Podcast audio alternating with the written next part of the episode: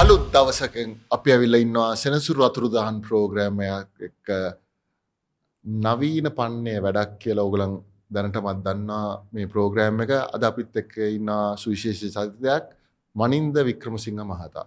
ගෝලිය වශයෙන් පිළිගත් නය ශ්‍රේණිගත කිරීම. අපි ගෙනවා රේටිං ඒජන්සියක් වන ෆිච් රේටිං සමාගමේ ප්‍රධාන විදායක නිල්ධාරිතුමා. අයිබොන් මනින්ද. අයිබෝ අපි කෙලින්ම ගේමකට බහිමු කතාබහට පනින්ද.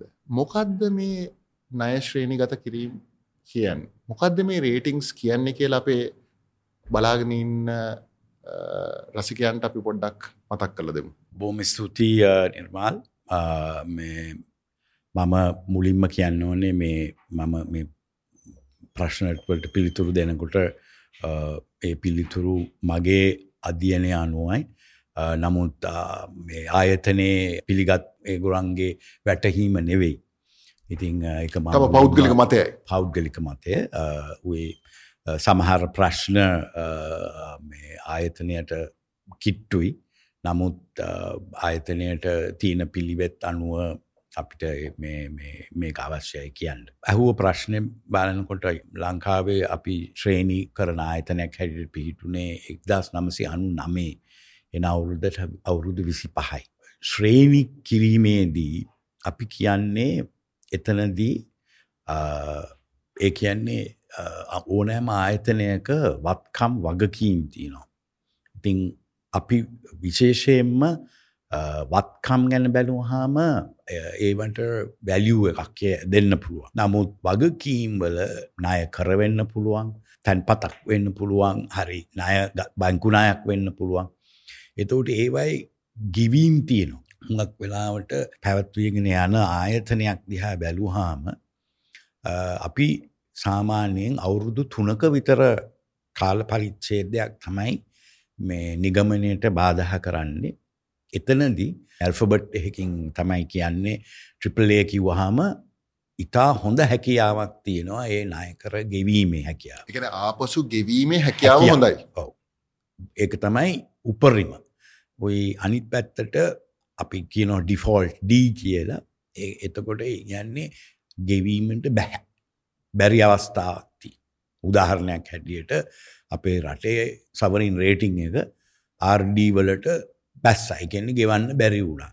ණය කර ගෙවන්න බැරි වුණා. ඉතින් අදහස අපි ඒක ඉතිහාසය ගැන නෙමෙයි මෙතනදී කියන්නේ. අනාගතය ගැන අපි ඒ කියන්නේ තමුන්ගේ හැකියාව අවුරුදු තුනක් ඉදිරියට වෙන දේ ගැන කියන්නේ දැන්. ඉතින් එතනදී ගෙවීමේ හැකියාවක් හද බැරිද කියන එකෙන් වෙන්නේ අවදානම් සහිත ඒ කියන්නේ අවදානම වැඩිද අඩුද කියන එක. ඉතින් ඒක අපි අපි ශ්‍රේණි කරනකොට කියන්නේ අපේ අධ්‍යයනයෙන් අපි ඒක මොනිටර්ඩ් රේටිං කියලා කියන්නේ. ඒ කියන්නේ මීටරේ දුවනවා වාගේ දෙයක්. ඒ කියන්නේ අපි බැඳී හිටිනවා ඒ කාල පරිච්ඡේදය තුල කියන්න යම් කිසි අවදානමක් වැඩි වුණාද අඩු වුණාද කියලා ඒක හින්දා හුඟක් වෙලාට මේ මේ මාධ්‍ය දකින්න ඇති අපි කියනවා අප්ග්‍රේඩ් වැඩිවීමක් කියලා නැත්තම් ඩවුන්ග්‍රේඩ් අඩුවීමක් කියලා. ඒ කියන්නේ ශ්‍රේණියේ වැඩිවීම අඩුවීම වෙන්නේ අවදානම් වැඩි හරි අඩුයි කියන එක. එතනදී අපි ඒක දිගින් දිගටම කරන දෙයක්. උදාහරණ හුඟක් ලංකාවේ තියෙනවා. අපි 20යි 16 ඉඳලා කියනවා ලංකාවේ අවදානම වැඩි කියලා. ඒ කියන්නේ ශ්‍රේණියේ පහත දැකීමක්. අවුරුදු 6ක්. ඒ කියන්නේ 20යි 16 ඉඳලා 20යි 22 වෙනකන් 6 සැරයක් අපි ලංකාවේ ශ්‍රේණිය පසුබහැලා තියෙනවා. දිගින් දිගටම දිගින් දිගටම. ඒ කියන්නේ වෙනදී දැන් අපි කියනවා කලින් මේක තමයි වෙන්න යන්න කිය. නිගමනය තේරෙනවා දැන්. තරමත්දුරට මම ඉතිරින් පටන්ගන්න කැමති මනින්ද. ඔය මිනිස්සුන්ගේ කතාබහක් තියෙනවා මේක ටිකක් අනාවැකි කීමක් වගේ. මේකේ මොකක් හරි වෙනම න්‍යායපත්‍රයක් ඇජෙන්ඩ එකක් තියෙනවා කියලා. ඇත්තට මේ අනාවැකි කීමක්ද කියන්නේ. මම ආයතනය ඉන්න හින්ද මන් දන්නවා මේ ශ්‍රේණියක් ගොඩනගන්න යන වෑයම ඒ කියන්නේ ආයතනයක් හැටියට මට කියන්න පුළුවන් අපිට ප්‍රතිපත්ති ගණනාවක් තියෙනවා. ආයතනයට ඒ ප්‍රතිපත්ති උඩ ගොඩ තමයි අපි මේ ඔක්කොම නිගමනය කරන්න. දැන් ඔය න්‍යාය පත්‍රයක් ගෝලිය වශයෙන් පිළිගත් අපි ඇත්තටම අපි ලංකාවේ ඒකැන්නේ රට අභ්‍යන්තරය තුළ දෙන ශ්‍රේණි මේ අපි දැම් මේ ඔය කතා කරන්න. නමුත් අපි විදේශ ඇක්තටම ජාතියන්තර මට්ටමේ ශ්‍රේණි කරන ආයතනය ජාතියන්තර මට්ටමේ අපිට ශ්‍රේණි තියෙනවා උදාහරණයක් හැටියට අපේ රටේ සවරින් රේටිං එක ඒක ජාතියන්තර ශ්‍රේණියක්. එතකොට ආයතනයක් හැටියට ලංකා බැංකූට තියෙනවා ජාතියන්තර ශ්‍රේණියක්. ශ්‍රී ලංකා ඉන්ශුරන්ස් සමාගමටත් ජාතියන්තර ශ්‍රේණියක් තියෙන. දැන් ඔය න්‍යාය පත්‍රය ගැන හුඟක් වෙලාට මේ මතුවෙන්නේ අපි රට්ට ශ්‍රේණි කරනවා. දැන් රටක් ශ්‍රේණි කරන්න අවශ්‍යතාවයක් තියෙනවා ඒක පිළිගත් ජාතියන්තර මට්ටමේ පිළිගත්තයක් මොකද රටේ වත්කම බලලා තමයි අපි වත්කමයි අවදානම් බලලා ශ්‍රේණීන් කියනවා මේ ගන්න ණය මේ රටට අහපෝ ගෙවන්න පුළුවන් කියලා. දැන් අපි මුළු රටම ගන්න ඕනේ. රටේ ආර්ථිකය බලන්න ඕනේ. මේකට හැකියාවක් තියනවද නැද්ද කියලා. මම උදාහරණයක් හැටියට දෙන්නම්. සමහර වෙලාවට අපි ශ්‍රේණි කරන ආයතනයක් හැටියට අපිට දත්ත ලබා දෙන්නේ ඒ රටේ. අපිට පිටින් දත්ත ලබා ගන්න ක්‍රමයක් නැහැ. ඉතින් ඒ ඒ ඒ දත්ත අපිට ලබා දෙන ඒවා කිසිම ඒ කියන්නේ වැරදි බවක් නැත්තම් එතකොට නිගමනයත් හොඳයි. නමුත් සමහර වෙලාවට ඔය දෙන දත්ත එහෙම එහෙ වෙන්න පුළුවන්. ඒ කියන්නේ එතනදී අපි ඒක ප්‍රසිද්ධිය කියන්නේ නැහැ. නමුත් සමහර වෙලාවට ඒ වගේ වෙලා තියෙනවා ඒ ලැබෙන දත්ත එතරම් සුදුසු නැත්තං අපි කියන අපිට මේක ශ්‍රේණි කරන්න බෑ කිය. ඉති ඒව අර මං කිව්ව පිළිවෙත් අනුවයි වෙන්නේ ප්‍රතිපත්ති. තින් ප්‍රතිපත්තික් තියනවා පිළිවෙත් තියෙන අනුගමනය කරන්න. දැන් අපි ලංකාවේ උදාහරණයක් හැටියට මං කිව්වේ අපි දිගින් දිගටම ඒ විස්සයි දාසේන්දලම කියනවා මේ අවධානම වැඩි වේගෙන යන්නේ කියලා. ඉතින් අපි ඒක පිළිඅරගෙන ඒකට ඕනතරම් වෙලා තිබුණා ඒක මගහරින්න. ඒ කියන්නේ අපිට තියෙනවා රැෂනාල් කියලා අපි ඒ දෙන වාර්තාවේ ඒව තියෙනවා. ඒ කියන්නේ තර්ක තර්කානුකූලව ඒක පෙන්නනවා මේ මේ මේ දේවල් කරොත් ශ්‍රේණියට ඒක ඉහළ යෑමට සාධක කියලා. නැත්තම් පසුබෑමටත් සාධක තියෙනවා. ඒ ඒක අපි වාර්තාවේ දෙනවා. ඉතින් අපි කියන්නේ නෑ මේවා කර යුතුයි හරි කරන්න ඕනේ නෑ එහෙම නෙමෙයි. ඒ ඒ තීරණය ඒ රජය හරි ඒ ආයතනය ගණ්ඩුව. නමුත් අපි ඒව පදල දෙනවා. ඉතින් දිගින් දිගටම කිව් දේ ඒකට කරන්න පිළිතින පිළිවෙත් අනුගමනය කරේ නැත්තං ඉතින් මේ අපිට එතනින් එහට කරන්න දෙයක් නෑ. එකන්නේ රේටිං ඒජන්සියකට දෙන්ඩ පුළුවන් ඉදිරි දිශානතිය මොකක්ද රිස්ක එක අවදානම මේකට කඩිනම් ක්‍රියාමාර්ගයක් ගන්න ඕනේ කියන දේ තමයි.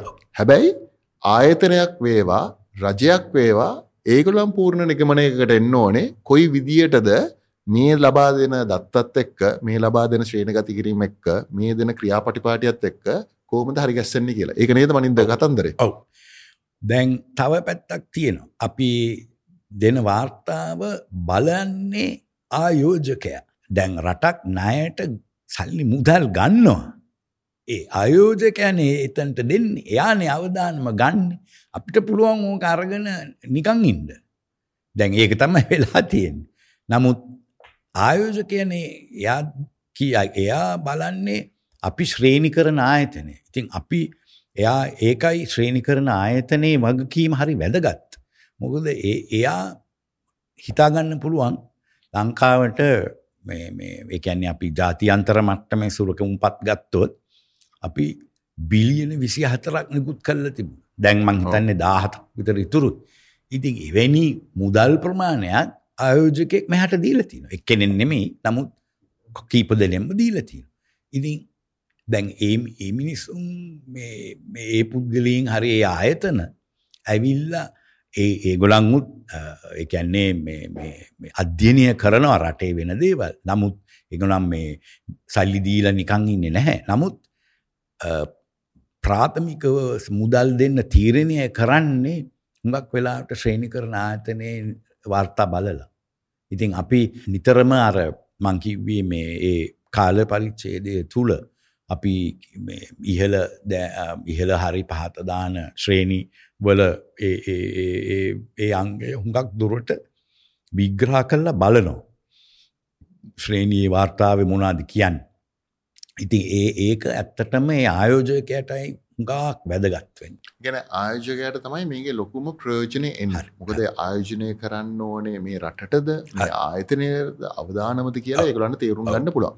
එතකොට ඔකට තවත් පරස්පර විරෝධී ප්‍රශ්නයක් තියෙනවා මනින්ද. මම දැකලා තියෙනවා ළඟදී පුවත්පත්කත් සමාජ මාධ්‍ය ජාලවලත් ප්‍රශ්නයක් යනවා කවුද මේ ශ්‍රේණිගත කිරීම කරන්න ඔබ වයිනි ආයතනයකට මේ කර්තව්‍ය ලබා දෙන්නේ. ඇයි ඒක කරන්න ඕනේ. නැත්තම් මේක බලයෙන් කරන දෙයක්ද කියලා ඒ වගේ ගැටලුකාරී ප්‍රශ්න වගේක් තියෙනවා. මොකක්ද ඔබේ පිළිතුර? ඔව්. ඉතින් දැන් ජාත්‍යන්තර මට්ටමේ ගත්තොත් අපි ශ්‍රී ලංකාව මධ්‍යම මිඩල් ඉන්කම් මධ්‍යම ආදායම් රටක්. ඉතින් ඒ මධ්‍යම ආදායම් රටක් කියලා මේ නිගමනය වුණාම හුඟක් දුරට මේ ජාත්‍යන්තර මට්ටමෙන් ලැබෙන සහන වාගේ ලැබෙන නායකර ඒවා අඩුයි. ඉතිං ඒ වගේ රටවල් වලට ජාතියන්තර වෙළඳ පොලට යන්න වෙලා තියෙනවා. ඉතිං එකක් තමයි ඉතිං වෙනත් රටවල් එක්ක තියෙන ගිවිසුම් අනුව මුදල් ලබාගන්න ලබාගන්න හැකියාවත් තියෙනවා නමුත් මුඟක් වෙලාවට පෞද්ගලික ආයතනයක් හරි සමාගමකටත් ඒ වගේ බැංකුවකට ගිහිල්ල ගන්න පුළුවන්. මුදල් වෙළඳ පොලට ගිහිල්ල ගන්න පුළුවන්. ප්‍රාග්ධන වෙළඳ පුළ ගිහිල්ල මුදල් ලබා ගන්න පුළුවන්. ඒ ඒවා සේරම තමුන්ගේ අවධානමට මේ ඒැන අවධානම බැහැර කිරීම අඩු කිරීමට කරන දේවල්. ඉතිං අපි ජාත්‍යන්තර වෙළඳ පොලට යනවනං ඒක පිළිගත් අවශ්‍යතාවයක් උදාහරණයක් හැටියට අපි ලංකාවේ ලංකාවට අවශ්‍ය වෙන නායකර මුදල් ගන්න අවශ්‍ය වෙලාවේ ඒක ඒක නිකුත් කරන්නේ අපේ මහභාගන්න. සිංගප්පූරේ ලයිස්තු ගත කරන්න දැන් සිංගප්පූරේ ලයිස්තු ගතු කරනකොට ඒගොලන්ගේ නීති මාලාවත් තියෙන අපි ඒ ඔක්කොම් පිළිපදින්න. ඉති ඒවට උපදෙස් දෙන්න බැඳී ඉන්න ආයතන තියෙනවා. සිංගප්පූරුවේ ජාතියන්තර මට්ටමේ නායකර නිකුත් කරනවා නම් අඩුම වශයෙන් ශ්‍රේණී ආයතන දෙකක් තියෙන්ටු. ඒවත් ඒවා ඇවිල්ල මේ නීති මාලාව තියෙන. අවමෝෂෙන් දෙකක් දෙකක්. ඒක හින්ද තමයි දැන් අපි ජාත්‍යන්තර මට්ටමේ ගත්තෝ ශ්‍රේණි කරන ආයතන තුනක් තියෙනවා පිළිගත් ශ්‍රේණි කරන ආයතන තුනක් තියෙන. ඉන් ඒ තුනෙන් දෙකක් තෝරගණ්ඩ පුළුවන්. අපේ ලංකාවේ නං ආයතන තුනම ශ්‍රේණිවලට ක්‍රියාත්මක වෙනවා. එතනදී මම කිව්වේ මේ අපි සාමාන්‍යගේ දැන් මේ මොහොතේදී ශ්‍රේ හැමා ආයතන තුනේම ශ්‍රේණිය ආර්ඩි ඩිෆොල්ට්ති තත්ත්ව ඉන්නේ හැබැයි හුඟක් වෙලාවට ශ්‍රේණිය එකම මට්ටමේ වෙන්නත් පුළුවන් සමහරලාට එක එකාංගයක් ඉහලින් වෙන්නත් පුළුවන් පාලින් වෙන්නත් පුළුව හැබැයි හුඟක් වෙනස් තියෙන්න්නත් බෑ. ඉතිං එහෙම අවස්ථා බූම කලාතුරකින්. හැබැයි හුඟක් දුරට ශ්‍රේණී එකම මට් මේ වගේ තියෙන්නේ. හැබැයි උදාහරණයක් හැටියටම අපි ඩවුන්ග්‍රේඩිකෙන් පසු බැසිමක් තියෙනවා නම් හරි නැංමක් තියෙනවන සමහල්ලාට ඒ ආයතනයක් අනිතායනට කලින් ඒක කරන්න පුළුවන්. අපිට නීතිරීති තියෙනවා එකන්නේ නිගමනයට එන්න ක්‍රමවේදය තියෙන ඒ ක්‍රමවේද ටිකක් වෙනස් වෙන්න පුළුවන්. නමුත් හුඟක් දුරට අපි බලන්නේ අවදානන් වැඩි වෙනවාද අඩු වෙනවාද කියන එක. ඒක තමා අපි ආයෝජකයට ලබා දෙන්න. එකන ප්‍රතිපත්ති වෙනස් වුනාට මේ ආයතනවල ව්‍යවහාත්මක වශයෙන් ස්ට්‍රක්ෂක ගොඩක් වෙලාවට එකයිනේ දැන ක්‍රමවේද. එතකොට යම් කිසි කෙනෙක්ට කියන්න පුළුවන්ද මනින්ද මේක මේ දේශපාලනික වශයෙන් සමාරලාවට ඒගොලන්ට වාසි සහගත විදියට විශේෂෙන් රටක් හැටියට ණයගණ්ඩ අවශ්‍ය අපි දන්නවා ශ්‍රී ලංකාවේ යථාර්ථය ඇවිල්ලා අපි ගොඩක් වෙලාවට ණය උගුලක ඉන්නේ. එතකොට තවත් අපි ණය ගන්න ඕනේ. ඒක තමයි යථාර්ථය. එතකොට මේ රේටිං ඒජන්සිස් වලින් රිජු බලපෑමක් තියෙනවා ණය ගන්න පුළුවන් වේද බැරි වේද කියන එක. අනික ණය ගත්තත් කීයටද ගන්න කියන එක. පොලි අනුපාතයත් ඒකට බලපාන. එතකොට මෙතන මේ දේශපාලනික බලපෑමක් ඇති වෙන්න පුළුවන්ද මේ මුළු ක්‍රමවේදයම? සාමාන්‍යයෙන් අපේ පිළිවෙත් අනුව ඔය එකක් තමයි දැන් ෆිචරේටිං ආයතනය ගත්තොත් ප්‍රතිපත්තියක් හැටියට කියනවා ඒගොල්ලන් නිදහස් කන්සිස්ටන්ට ඒ කියන්නේ දිගින් දිගටම පැවැත්ම තියෙන්ඩෝන් අනිත් එක තමයි විනිවිධ භාවය. කරන දේවල් විනිවිධ භාවයෙන් කරන්න. එතකොට තමුන්ට පුළුවන් අහන්න. එක ඇන්නේ දැන් අපි නිගමනයට ඇවිල්ල දැන් කියනවා මේ ශ්‍රේණිය බහිනවා කියලා. ඒ වෙලාවෙදී අපි ඒ ඒක නිකුත් කරන ආයතනයට මෙතනදී කියමු රජය කියලා. රජයට අපි කියනවා අපිට තියෙන දත්තානුව නිගමනය මේකයි කියලා. ඒගොලන්ට පුළුවන් අපීල් කරන්න එක. මේක තමයි ශ්‍රේණිය මෙතනින් කතා විවරයි කැමත්ත හෝ නැති හෝ එහෙම නෙමෙයි. එතනදී ආයතනයටත් සමහර වෙලාවට පිළිගත් අවස්ථා තියෙන ලංකාවෙන එහෙම වෙලා නෑ නමුත් පිළිගත් අවස්ථා තියෙනවා අපි ශ්‍රේණිය හදලා තියෙනවා. හැබැයි ඒවා අපි දෙතකොට වාර්තාවේ දානවා. මේක අපීල් කෙරුවා ඒ නිගමනය වෙනස් කරයි කියලා. මං කිව්වේ අර විනිවිද භාවය පැහැදිලිවම තියෙනවා. ඉතින් හුඟක් වෙලාවට මං උදාහරණයක් හිටියට කියන්න දැන් ලංකාවේ අපි හුඟක් වෙලාට අපිට මං කිව්ව විදිහට හය සැරයක්. හැම සැරේම රටේ ප්‍රතිපත්ති හදන අය නැකිටලා කියන්නේ මේක මේ ඇවිල්ලා මේ න්‍යාය පත්‍රයක් අනුව වෙන දේවල් මෙහෙම දේවල් වෙන්නේ නැහැ අපේ රටට කිසිම ප්‍රශ්නයක් නැහැ මෑතක තීන්දුවෙන් හොඳට තේරෙනවා මේ ඒ වගකීම් අරගෙන කරන්න තියෙන දේවල් කරේ නැහැ කියලා. ඉතින් ඒ ඒකට ශ්‍රේණි කරන ආයතයට දොස් කියන්න බෑ. මොකද ඒගොල්ලන්ට තියෙනවා වගකීමක් ආයෝගයක් ඇති කියන්න. දැන් අය ගෙවා ගන්න බැරි හින්දා අපි දැන් ගිහින් කියන්න ඕනේ ආයෝජකයට අපිට ඔබතුමාගේ ණය දැන් ගෙවන්න බෑ. තව අවුරුදු 10ක් විතර යනවා කියලා ගෙවන්න. ඒතකොට මේ මිනිහට මොකද්ද වෙන්නේ? එයාට දැන් අවදානමේ කතාව ඉවරයි. එයා ඇත්තටම සතුටුයි එයාගේ ප්‍රාග්ධනයයි අර ලැබෙන පොලියයි අරගෙන යන්න පුළුවන්. නමුත් දැන් එයාගේ කාල පරිච්ඡේදය තව අවුරුදු 10කින් වැඩි වෙලා. වැඩි වෙලා. ඒතකොට එයාගේ කතන්දරේ මොකද්ද? එයාගේ මේ මේ එයාටත් උඩින් ඉන්න අහනවා ඇති ඔයා මොනටද මේ සල්ලි දැම්මේ කියලා. දැන් අපි අහනවනේ ඒක. ඔයා ආයෝජනය කරේ මොකද කියලා අහනවා. දැන් අපි ඒ වගකීම අරගෙන අපි කිව්වේ නැත්තම් ඒගොල්ලෝ ඇවිල්ලා අපෙන් අහනවා. ශ්‍රේණි කරන ආයතනයක හැටියට ඕගොල්ලෝ මොනවද කරේ කියලා. සීමාවමයි. සීමාව හරි තියුණුයි එතන. නමුත් ඒක අපි ගමන් කරන්න මං කිව්වේ ප්‍රතිපත්ති හා පිළිවෙත් තියෙනවා. ඉතින් ඒක හින්දා න්‍යාය පත්‍රයක් තියෙනවයි කියලා කියන එක මං එකඟ වෙන්නේ නැහැ. නමුත් සමහර අයට වෙනත් මේ මේ කරුණු තියෙන්න පුළුවන්. හේතු තියෙන්න පුළුවන්. නමුත් මේ දැන් උදාහරණයක් හැටියට ෆික්ස් රේටින් ආයතනය කියන්නේ අවුරුදු 100ක් පැරණි ආයතනයක්. තවත් ශ්‍රේණි ආයතන ඇති ඊට වැඩියත් කල් මාලාවේ තෙම්පරාදු වෙලා ඉන්න මම කියන්නේ මේ මීට අවුරුදු සියකට උඩදී අනුගමනය කරපු ප්‍රතිපත්ති නෙමෙයි දැන්. හැම වෙලේම මං කියන්නේ ඒ වෑයම හැම වෙලේම හරි තියුණුයි. ඒ කියන්නේ හැම වෙලේම හොයනවා මේකට අලුත් ක්‍රම තියනවාද? අවදානම් එනවා එක එක තැන්වලින් එනවා දැන් විශේෂයෙන්ම කාලගුණ අවදානම් තියෙනවා ඒවා ඒවා ඇත්තටම මේ අනාගතයේදී ඉදිරියට තව මොනවා වෙයිද කියලා කියන්න බෑ. ඉතින් ඒ වගේ තියෙනවා අවදානම්. එන්න එන්න ඒවා ඉස්සර වගේ හරල් සරලත් නැහැ සංකීර්ණයි. ඒ අවදාන. ඉතින් ඒවා හැම වෙලෙම හොයනවා. හොයලා ප්‍රතිපත්ති ඒ ඒ ක්‍රමවේදවල් වෙනස් කරනවා.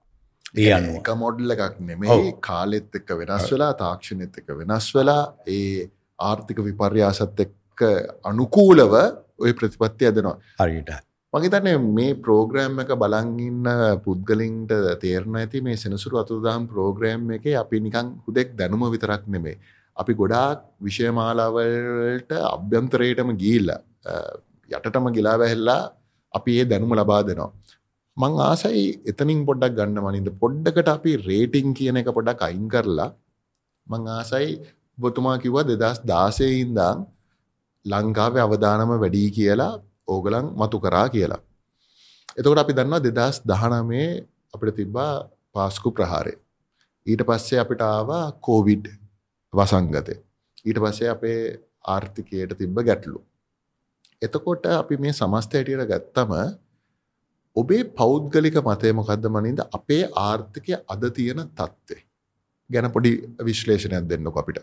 ඔව් අපි ශ්‍රේණි කරන ආයතනයක් හැටියට අපි මේ වැඩ සටහන පටන් ගත්තේ එක්දස් නමසේ අනු නමේ අපි ඒ ඉඳලා දැන්වෙනතුරු ලංකාවේ ශ්‍රේණිය ඩබල්B මයිනස් වලට ඉහලින් ගිහිල්ලන්න නැහැ. ඒ ඒ බොහොම සුළු කාලයකට ඩබල් මයිනස් e ශ්‍රේණියට ගියා. නමුත් වැඩි හරියක්ම B+ කියන රේටිං එකේ තමයි තිබුණේ. රටක් හැටියට. රට හැටියට. ඒ කියන්නේ අපිට එතනින් එහාට යන්න බැරි වෙලා තියෙනවා. දැන් මම උදාහරණයක් හැටියට කියන්නම් ශ්‍රේණියක් කරනකොට ශ්‍රේණියේ උඩට පල්ලෙහාට යනවා විතරක් නෙමෙයි. දැන් අපි කියමු අපි දැන් ඉන්නේ ඩිෆෝල්ට් වල. D වල ඉන්න ශ්‍රේණියේ අනිත් රටවල් මොනවාද කියලා අපි බලනවා.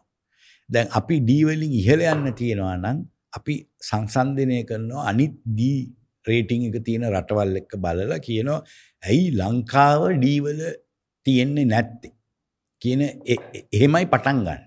ඉතින් අපි මේක C හරි ඩබල් C කියන රේට් ශ්‍රේණියට ඉහළ යනවා නම් අපි ඉස්සෙල්ලාම බලන්න ඕනේ ඩී වල ඉන්න අනිත් රටවල් මොනවාද කියලා. දකුණු ඇමරිකාවේ අප්‍රිකාවේ තියෙන රටවල් ඩී ශ්‍රේණියේ ඉන්න රටවල්. ඒ රටවල් වලට ගිහිල්ලා බැලුවොත් ඒ ඒ තියෙන උවදුරු ඒ ප්‍රශ්න ඒ රටේ ලංකාවත් එක්ක බැලුවොත් ඒ කියන්නේ ඇවිදින ගිහින් බලන පුද්ගලයෙක්ට හිතයි මේක වෙන්න බෑ කියලා. මොකද අපේ රට හරි සාරවත්. ඉතින් අපිට සම්පත් තියෙනවා. නමුත් අපි ඒවයි මොනවද කරන්න. ඒක තමයි වැදගත් මෙතන. ඉතින් මට පේන හැටියට මම එක්දස් නමසය අසු නමේ ඉඳල අනු හතර වෙනකම් බැංකුවක වැඩ කරා. ඊට පස්සේ මං ආයෝජන බැංකුවක වැඩ කරා. දෙදස් දහය විස්සයි දහය තමයි මං ෆිට්රේටිං ආයතන දැම්මං මේ කාල පරිච්චේදය තුළ අපි රටේ අපි ටීට ඉස්සලා මේ නිර්මාල් කිව්වෝ වගේ අපිට මේ විස්සයි දහනමේ ඉඳල තිබුණ ඌදුරු තිබුණ. අපිට විස් දෙදස් නමේ වෙනකං තිබුණ ලොකුවදුරක් තිබුණ නමුත් ඒ කාල පරිච්චේදය තුළත් අපි ආර්ථිකයක් හැටියට ඔළු උඩ තියාගෙන හිටිය නමුත් එතනදී වනේ උදාහරණයක් හැටියට බැලුවොත් අපේ ණය එකැන බාණ්ඩාගාර බැඳුම් කර බිල්පත්වලින් ගන්න ණය එන්න එන්න වැඩි වුණ. දරාගන්න බැරිතරමට වැඩි වුණ. ඒ කියන්නේ රජයේ වියදං කොටසක් තිබුණ නම් ඒ වියදම එහෙමනේ ඕන ආයතනයක් දැන් අපි සමාගමක් ගත්තොත් සමාගමේ පඩි ගෙවලා විදුලි බලය ජල සම්පාදනට ඒවට ගෙවලා ඒ ඔක්කොම ඒ කියන්නේ ආයතනයේ වැයවීම් තියෙනවා ඒකට ආදායමක් තියෙන්න ඕන. එහෙම නැත්තම් ඒ ආයතනයක් හැටියට කරන්නේ ඒ වියදම් අඩු කරන්න බලන්න. මින් වියදම් අඩු කරන්න ක්‍රම තියෙනවා කිහිපයක්.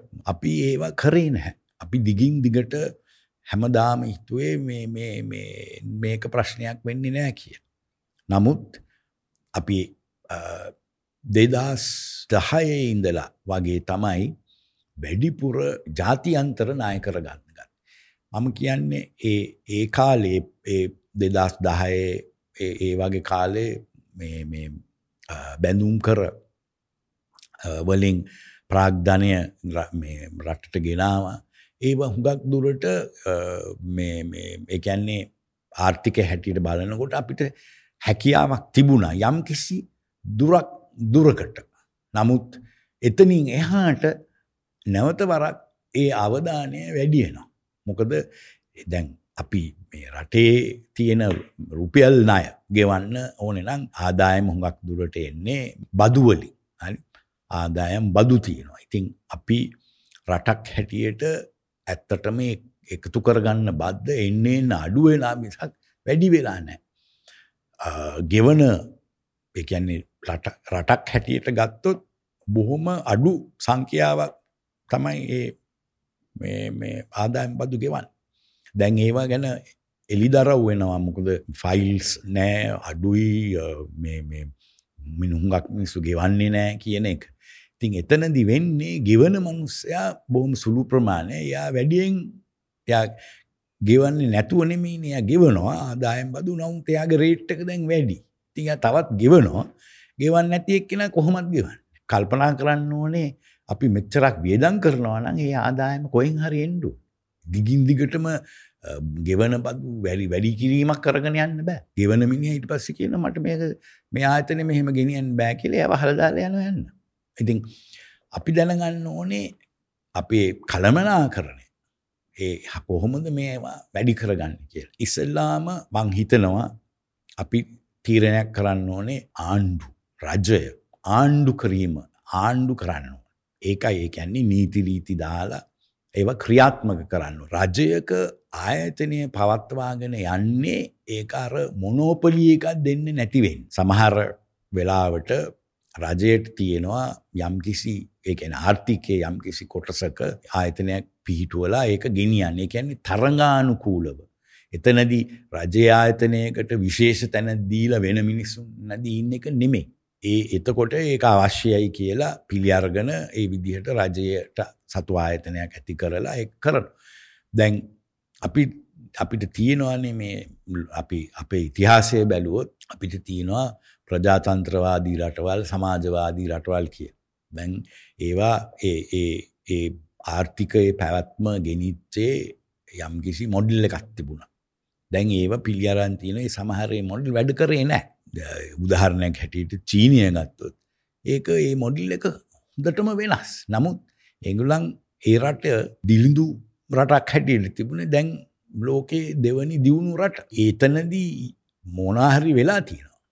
අපි අපිටත් පුළුවන් වෙන්න ඕනේ මේ මේ ඒ කියන්නේ ඇමරිකා එක්සත් ජනපදයේ ඊට ඉස්සෙල්ලා මේ ඒ ඒගොල්ලන්ගේ ප්‍රතිපත්ති අනුව මේ ලෝකයේ තියෙන ලොකුම ආර්ථික ආර්ථිකය වෙලා තියෙනවා. ඉතින් අපිට ඒ කියන්නේ ඒගොල්ලන් කරපු ක්‍රමවේදය හරි චීනය කරපු වේදේ කෙලින්ම දාලා කරන්නේ කියනවා නෙමෙයි. අපිට මේ දෙකේම තියෙනවා මොන හරි ප්‍රයෝජනවත් ආදර්ශ ගන්න පුළුවන්. ඉතින් අපි ඒවා ගැන කතා කරනකොට මේ අපිට එකක් තියෙනවා අපි අපිට සම්පත් තියෙනවා. වතුර ඒ කියන්නේ ගංගා ලොක් ප්‍රධාන ගංගා 22ක් විතර තියෙනවා. ජලාශ ඒ කියන්නේ ස්වභාවික හැදිච්ච ජලාශ තියෙනවා.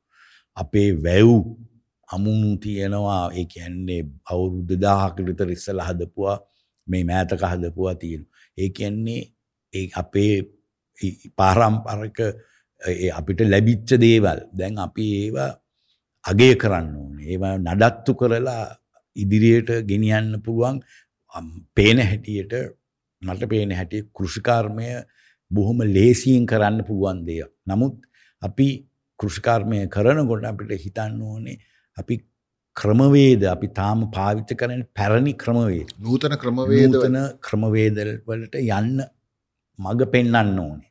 මිනිස්සුන් ඒකට ඒක ඉගෙනීමක් තියෙන්න ඕනේ. අපි අධ්‍යාපනය කිව්වහම ලියවීම කිවිය කියවීම විතරක් නෙමෙයි. අධ්‍යාපනය කිව්වහම දැනුම හරි වැදගත්. ලෝකයේ දැනුම වැඩියෙන්ම තියෙන ඉංග්‍රීසි භාෂාව. මම කියන්නේ නෑ අනිත් භාෂාවලින් නෑ කියලා. ජපානය, චීනය තමුන්ගේ භාෂාවෙන් දියුණුනේ. නමුත් සිංහල භාෂාවෙන් දැනුම කියන එක අඩුයි. අපි විශේෂයෙන්ම විද්‍යාව ගැන බැලුවොත්. ඉතින් තාක්ෂණය අතින් ඒ ඒ දැනුම ලබා ගන්න ඉංග්‍රීසි භාෂාව වැදගත් වෙන්නේ ඒකේ. අනිත් එක ඉන්ටර්නෙට්. ඉන්ටර්නෙට් එකේ විනෝදාංශ මේ මේ අංග තියෙනවා. නමුත් ඒකේ වැදගත්ම දැනුම ඉන්ටර්නෙට් එකේ තියෙන දැනුම අපිට සමහරලාට ගැටලුවක් තියෙනවා හරි වැරදි තෝරාගන්න.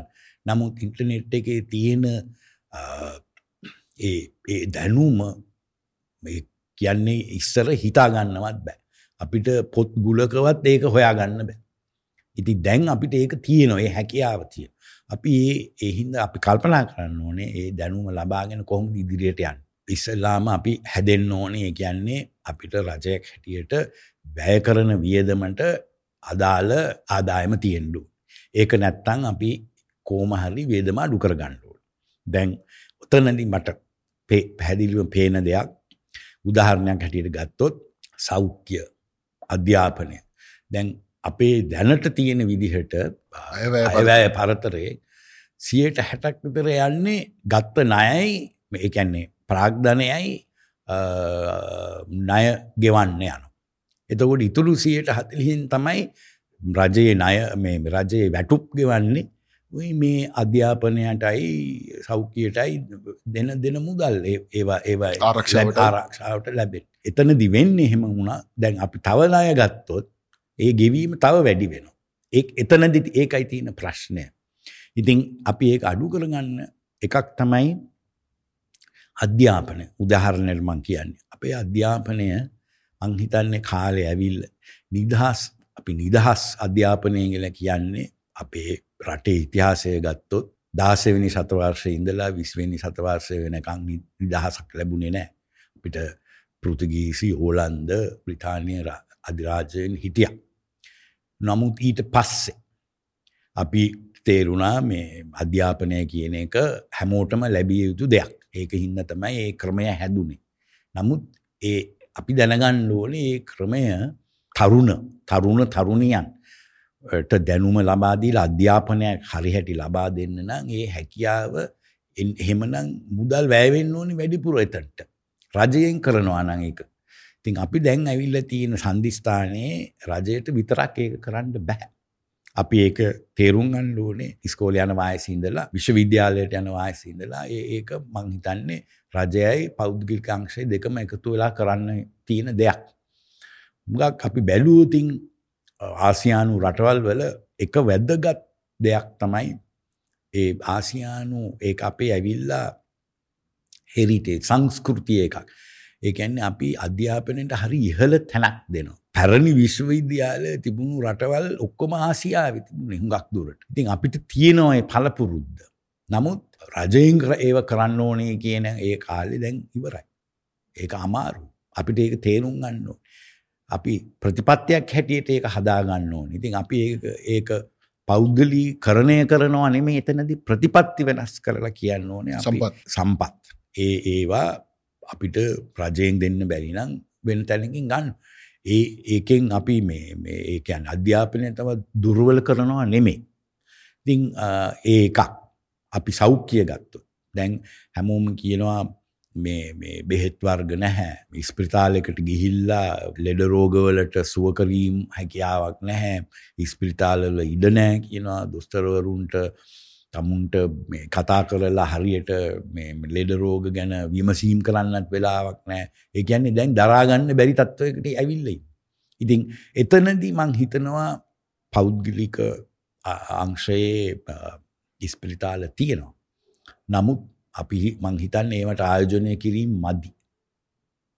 අනිත් එක තමයි ඒ වගේ ආයෝජනය කිරීම කරනවා නම් අනිවාර්යෙන්ම එක දෙයක් කරන්න ඕනේ අපි කොහොමද ඒවට ගෙවන්න පුළුවන් වෙන්නේ. මොකද ඒ වගේ නවීන ස්පිරිතාලයකට පෞද්ගලික අංශයක ස්පිරිතාලයකට ගිහිල්ලා සාමාන්‍ය පඩි නඩි ලැබෙන කෙනෙක්ට ඒ වියදම දරා ගන්න බෑ. ඉතින් ඒවට විකල්ප තියෙන්න ඕනේ. ඉතින් ඒව තමයි මං කියන්නේ ප්‍රතිපත්ති උයි පාලනය කිරීමකට ලක් වෙන්න ඕනේ. ඉතින් ඒ වගේ අපිට තියෙනවා ඒ කියන්නේ අපේ මිනිස්සුන්ගේ සාමාන්‍ය දියුණුවට කරන්න පුළුවන් ගොඩක් දේවල් තියෙනවා රජයේ තව වැදගත් එකක් හැම එකම ආණ්ඩුවෙන් කරන්නේ කියන්නේ අපිට මේ අපිට තියෙනවා දොරටු පාලය. ඒ කියන්නේ දොරටු පාලයෝ ඉන්න හැම තැනම. ඒ දොරටු පාලයෝ ඉන්නකොට ඒ ගේට්ටු අරින්න හරි අමාරුයි. එතන තමයි ලොකුම ප්‍රශ්නේ තියෙන්නේ. නැත්තම් මම හිතනවා අපේ රටේ ඉන්නවා ඕන තරම් ඒ කියන්නේ දැනුම තියෙන අය හැකියාවන් තියෙන පුද්ගලයින් ඉන්නවා. ඒගොල්ලන්ට ඕනේ අවශ්‍ය අර බාධාවකින් තොරව කරන්න පුළුවන් දෙයක් තියෙනවා නේ ඒකට එළඹිලා කරන්න. ඒ වගේ පුද්ගලීන්ට ප්‍රාග්ධනයක් ලබා ගන්න ක්‍රම තියෙන්න ඕනේ. අන්න ඒව තමයි අපි හදලා දෙන්න එතකොට මනින්ද ගොඩක් වෙලාවට අපි බැලුවොත්තේම මීට මාස දොළහක් දහටක විතර කාලයක අපි පෝලිං යුගයක හිටියේ. රටේ තාරුන්නේ අපේක්ෂා බංගත්තයෙන් බැලුවේම පාස්පෝට්ට කරගන්න රටයන්ඩ තාමත් බුද්ධිගල්ලනය තියෙනවා. එතකොට ඒ වකවානුවත් එක්ක සංසන්ධනය කරද්දී අපේ ආර්ථිකය දැන් හොඳ මට්ටමකට එනවාද එහෙම නැත්නම් ප්‍රශ්නේ තාම තියෙනවා අපි ඒක මේ බලන සංකල්පය අපි ඉන්නේ මේ මනංකල්පිත ලෝකයකද ඔබ හිතන්නේ මොකද්ද මං හිතන්නේ අපි ඔබ කිව් විලියටර්මල් මීට මාස් දාහටකට විතර ඉස්සෙල්ලා තිබුණ තත්ත්වයයි දැන් තත්ත්වය බැලුවොතින් දැන් තත්ත්වය ස්ථාවරයි. නමුත් මෙතනින් එහාට අපේ ගමන පටන්ගත්ත විතරයි. ඉතින් අපි කරපු වැරදි දිගින් දිගට ගෙනියන්නත් බැහැ. ඒහින්ද අපි ඒ ගමන දැන් වෙනස් කරන්න ඕන. වෙනස් කරන්න තිබුණ දේවල් කරන්න තිබුණ මීට ඉස්සෙල්. නමුත් මේ සන්ධිස්ථානෙට දැන් ඇවිල්ලා. දැන් ඒ වැඩේ ඉවර වෙලා. නමුත් දැන්වත් පාලමක් හැටියට ඉගෙන මෙතනදී ඒ වෙනස් කරගෙන යන්න දැන් අපිට ඒ මං කිව්වේ අර ප්‍රතිපත්ති හදාගෙන ඒ කියන්නේ අපේ තරුණ පරපුර අරගලයේ තිබුණේ ඒ අරගලය නෙමෙයි ඇත්තටම මෙතනදී ඒක අරගලය වුණේ ගෑස් මූලික අවශ්‍යතාවන මූලික අවශ්‍යතාවන ඒ අරගලය ඒ වෙලාවේදී ඒ ඒ මාස ගානට ඒක අරගලය කරා ඊට පස්සේ තමුන් ගිය නමුන්ගේ කාර්යභාරය ඉට කර ඉටු කරන්න කිව්වවාගේම ඒකේ අවසාන ප්‍රතිපත්ති ප්‍රතිඵලයක් හැටියට පාස්පෝර්ට්ටයක් හොයාගෙන යන්න ඇති වැඩි සංඛ්‍යාව. නමුත් මම හිතනවා මෙතන තියෙන අරගලේ ඒක නෙමේ. ඒ අරගලය කරන්න වුණා නමුත් අපේ අරගලය කියල කියන්නේ තමුන්ට ඉස්සෙල්ල තියෙන්න ඕන මේ මගේ රට කියලා. මේ රට ගැන විග්‍රහ කරලා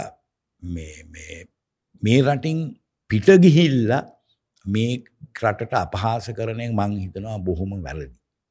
වැරදි පෙන්නන්ඩෝ. නමුත් තමුන් කැන්නේ වෙන රටවල් වලට ගිහිල්ලා එතන ඒ රටවල් ස්ථාවරයි එතන ආර්ථිකය දියුණුයි තමුන්ට කරන්න පුළුවන් දේවල් ඇති. නමුත් අමතක කරන්න එපා මේ රටේ මිනිස්සු ඇතිවෙන්න හැකියාවන් තියෙන ඒ මිනිස්සු මේ රට ඉන්නේ මෝඩ හින්න නෙමේ. රටට ආදරයක් තියෙන. තමුන්ගේ රට කියලා හිතලා අර්ගලයේ කියල කියන්නේ වැරදි පෙන්නල දීල මේ රටේ ඉඳල ඒක කරන්නවා. ඒ කියන්නේ අපි වෙන රටකට ගිහම අපි මැද පෙරදිකට යනවා හුඟක් වෙලා ගිහිල්ල. අපේම මිනිස්සු. පැය දොලහ දාහතර දාසය වැඩ කරන ඉන්න. ඒ විදිහට වැඩ කල්ලා ජීවිතය ජයග්‍රහණය කරන්න. වැඩ කරලා වැටුප් ලබාගෙන දියුණුවමින් ඉන්නවා මම කියන්නේ ඒ වගේ මෙහි එහෙම හේස මාන්සියක් දරන්න ඇයි අපිට තියෙනවා ලොකු ගැටලුවක් මෙතන ඉතින් එකක් තමයි මම හිතනවා අපි ඒ අපි ආර්ථිකය හැටියට ඒ කියන්නේ හැම වෙලේම තරුණෙක් තරුණයක් ගැන ඇහුවතින් කියනවා මම දන්න දැන් කොහොමද කියලා නමුත් හුඟක් වෙලාට ඇහුවාම කියන්නේ රජයේ රැකියාවක් ඕනේ කියලා. විශ්වවිද්‍යාලයෙන් එළියට ආවම රාණ්ඩුව දෙන්න ඕන රස්සාව. හරි ඉස්කෝලේ යන ළමයින්ගෙන් ඇහුවාම කියන මට මේ මොකක් හරි රජේ මොකක් හරි ආයතනයක ජොබ් එකක් හම්බුනොත් හොඳයි කියලා. එතනදී ඒ ඇයි එහෙම කියන්නේ? වැටුප් ඉහළ නෑ ඒ නමුත් ස්ථාවරයි. අනිත් එක තමයි වැඩ කරත් නැතත් පඩිය ලැබෙනවා. පෙන්ෂන් එකක් ලැබෙනවා. ඒ වගේ වරප්‍රසාද තියෙනවා ඒ එන්න එන්නේ වරප්‍රසාද වල අගය දැන් අඩුයි. රජයට ඒක කරන්න බෑ. ඒකයි මං කියන්නේ අපිත් ඒ වෙනස් වෙන්න. අපේ අරගලයේ කියලා කියන්නේ අපි ඇවිල්ලා දැනුමක් ලබාගෙන ගිහින් රජයට රජ ආයතනවල වැඩ කරන එක නෙමෙයි. අපි තරඟකාරීව බලලා හොයන්න ඕනේ මට සුදුසු රස්සාව මොකක්ද මගේ පුහුණුව මොකක්ද. ඒක අනිත් පැත්තට බැලුවොත් මම ඉස්කෝලේ යන කාලේ ඉඳලා මං තීරණය කරන්න ඕනේ මම මොකද්ද මගේ පරමාර්ථය මගේ තියෙනවා හැකියාවන්. හැම එක්කෙනාටම දොස්තර කෙනෙක් වෙන්න බෑ ඉංජිනේරු කෙනෙක් වෙන්න බෑ. අපි ඉතින් මට මොනාද තියෙන අනිත් විකල්ප? කවුද? එකැන මගේ දෙමව්පියන්ට පුළුවන්ද මට අවවාද අනුශාසනා දෙන්න? එහෙම නැත්තම් මං කාගෙන්ද එක ලබාගන්න එක්කෝ මගේ ඉස්කෝල ගුරුවරයාගෙන් හරි විශ්වවිද්‍යාලයේ ලෙක්චර කෙනෙක්ගෙන් හරි එහෙම ලැබෙන්න ඕන. මං හිතනවා ඒ වගේ ඒවා දුර්වලයි ලංකා. අනිත් එක තමයි අපිට හැම එක්කෙනාටම විශ්වවිද්‍යාලයට යන්න බෑ. නමුත් අපේ ලක්ෂ දෙක හමාරකටත් වැඩිය ළමයි හැම අවුරුද්දෙම කොලිෆයි වෙනවා විශ්වවිද්‍යාලයට යන්න. සුදුසුකම් ලැබෙනවා. අපි හැබැයි මේ විශ්වවිද්‍යාලයට ගන්න හතලිස් දාහක් විතර. එතනින් එහාට ඉතින් තමුන්ගේ කරගන්න පුළුවන් දෙයක් කරන්න. ඉතින් අපි රට යනවා භාගයක්. තව කොටසක් යනවා කෝසස් කරන්නේ කියලා. ඔය accounting course හරි NDT ඒ වගේව කරනවා. විශාල සංඛ්‍යාවක් මොකකටවත් යොමු වෙලා නැහැ. දෙක කාලයක් තිබුණා ත්‍රීවීල් එකක් ලීස් එකකට අරගෙන මේ ත්‍රීවීල් ඩ්‍රයිව්. ඉතින් මං හිතන්නේ ලක්ෂ 12ක් විතර ඉන්නවා මේ ත්‍රීවීල් තියෙනවා. නමුත් ඒකෙන් මං හිතන්නේ ලක්ෂ පහක් විතර ආර්ථිකයට එකතුයි. ඒ කියන්නේ මේ මොන හරි පහසුකමට වාහනේ තිබුණාට කාර්යභාරයක් වෙනවා. ඒ වගේම ලක්ෂ 7ක 7ක් නැත්තම් 8ක් විතර ඉන්නවා හයර් වලට දුවන්නේ. ඉතින් ඒ ඒ ඇවිල්ලා අපේ තරුණ පරපුරක්. හැමදාම මේක කරන්න බෑනේ. ත්‍රීවීල් එකකින් ලැබෙන මේ ඒ කියන්නේ මොකද්ද ඒකේ මේ පුහුණුව. ඉතින් අපි ඒ වගේ තරුණ අය මේ මේ දව ඒක අවස්ථාවක් කී කී එතනට දැන් ඒ ඒකත් අමාරු වෙගෙන එන්නේ. ඉතින් අපි හිතන්න ඕනේ මේ මේ මොනවද දෙන්න පුළුවන් අපිට ට්‍රේනිං එකක් දෙන්න පුළුවන්ද කියන ඒ ඒකක අපි කරන්න ඕනේ දැන්. කරලා රටින් හැමදාම කොටසක් ඉන්නවා ඉස්සර ඉඳලාම වුණ දෙයක්. ඒක ජාත්‍යන්තර මට්ටමෙත් වෙනවා. ඉන්දියාව කොච්චර දියුණු වෙමින් පවතින රටක් වුණත් ඉන්දියාවේ ඉන්නවා ලොකු පිරිසක් පිටරට යනවා. මොකද දැනුම ඉහළයි. දැන් ඉන්දියාවේ ඉගෙනගත්ත ළමයි ඉන්නවා ඇමරිකාවේ මහා පරිමාණයේ කර්මාන්තවල ප්‍රධානියන්. ඒ ඒක ඇත්ත. ඉතින් ඒ ඒ ඒ මට්ටමේ සංසන්දනය කරන්න බෑ. මොකද ඒ රටවල් වල බොහොම ඉහළ පඩි ලැබෙනවා දියුණු රටවල්. ඉතින් ඒක ඒක අවස්ථාවක්. නමුත් ඒ කියන්නේ මේ රට පිරිහීමක් නෙමෙයි. නමුත් රටෙන් තව වැඩි වැඩියෙන් මේ මේ වගේ ඒ කියන්නේ ස්කිල්ස් මේ පළපුරුදුකම් තියෙන අය තව බිහි වෙනවා. ඉතින් ඒ හින්දා ආර්ථිකයට ඒකෙන් පිරිහීමක් නැහැ. ලංකාව වෙලා තියෙන්නේ අපි ඒ බිහි කිරීම නැහැ. ඉතින් ඉන්න මිනිහා ගියාම කවුරුත් නැහැ.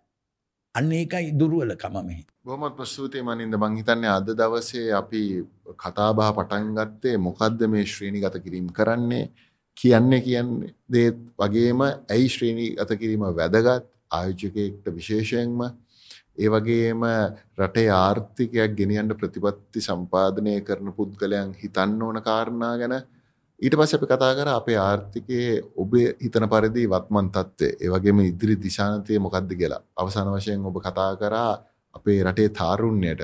මොකද්ද මේ තරඟකාරී ලෝකයේ ඉස්සරහට යන්න? මොකද අපිට ආර්ථික වර්ධන වේගයකට ලං වෙන්න නම් අපේ සිතුම් පැතුම් උත් වෙනස් වෙන්න ඕනේ මම හිතන්නේ ඔබ කියපු අරගලයේ සැබෑ අරගලය ඇවිල්ලා අපේ මයින්ඩ්සෙට් එකේ තියෙන අරගලය.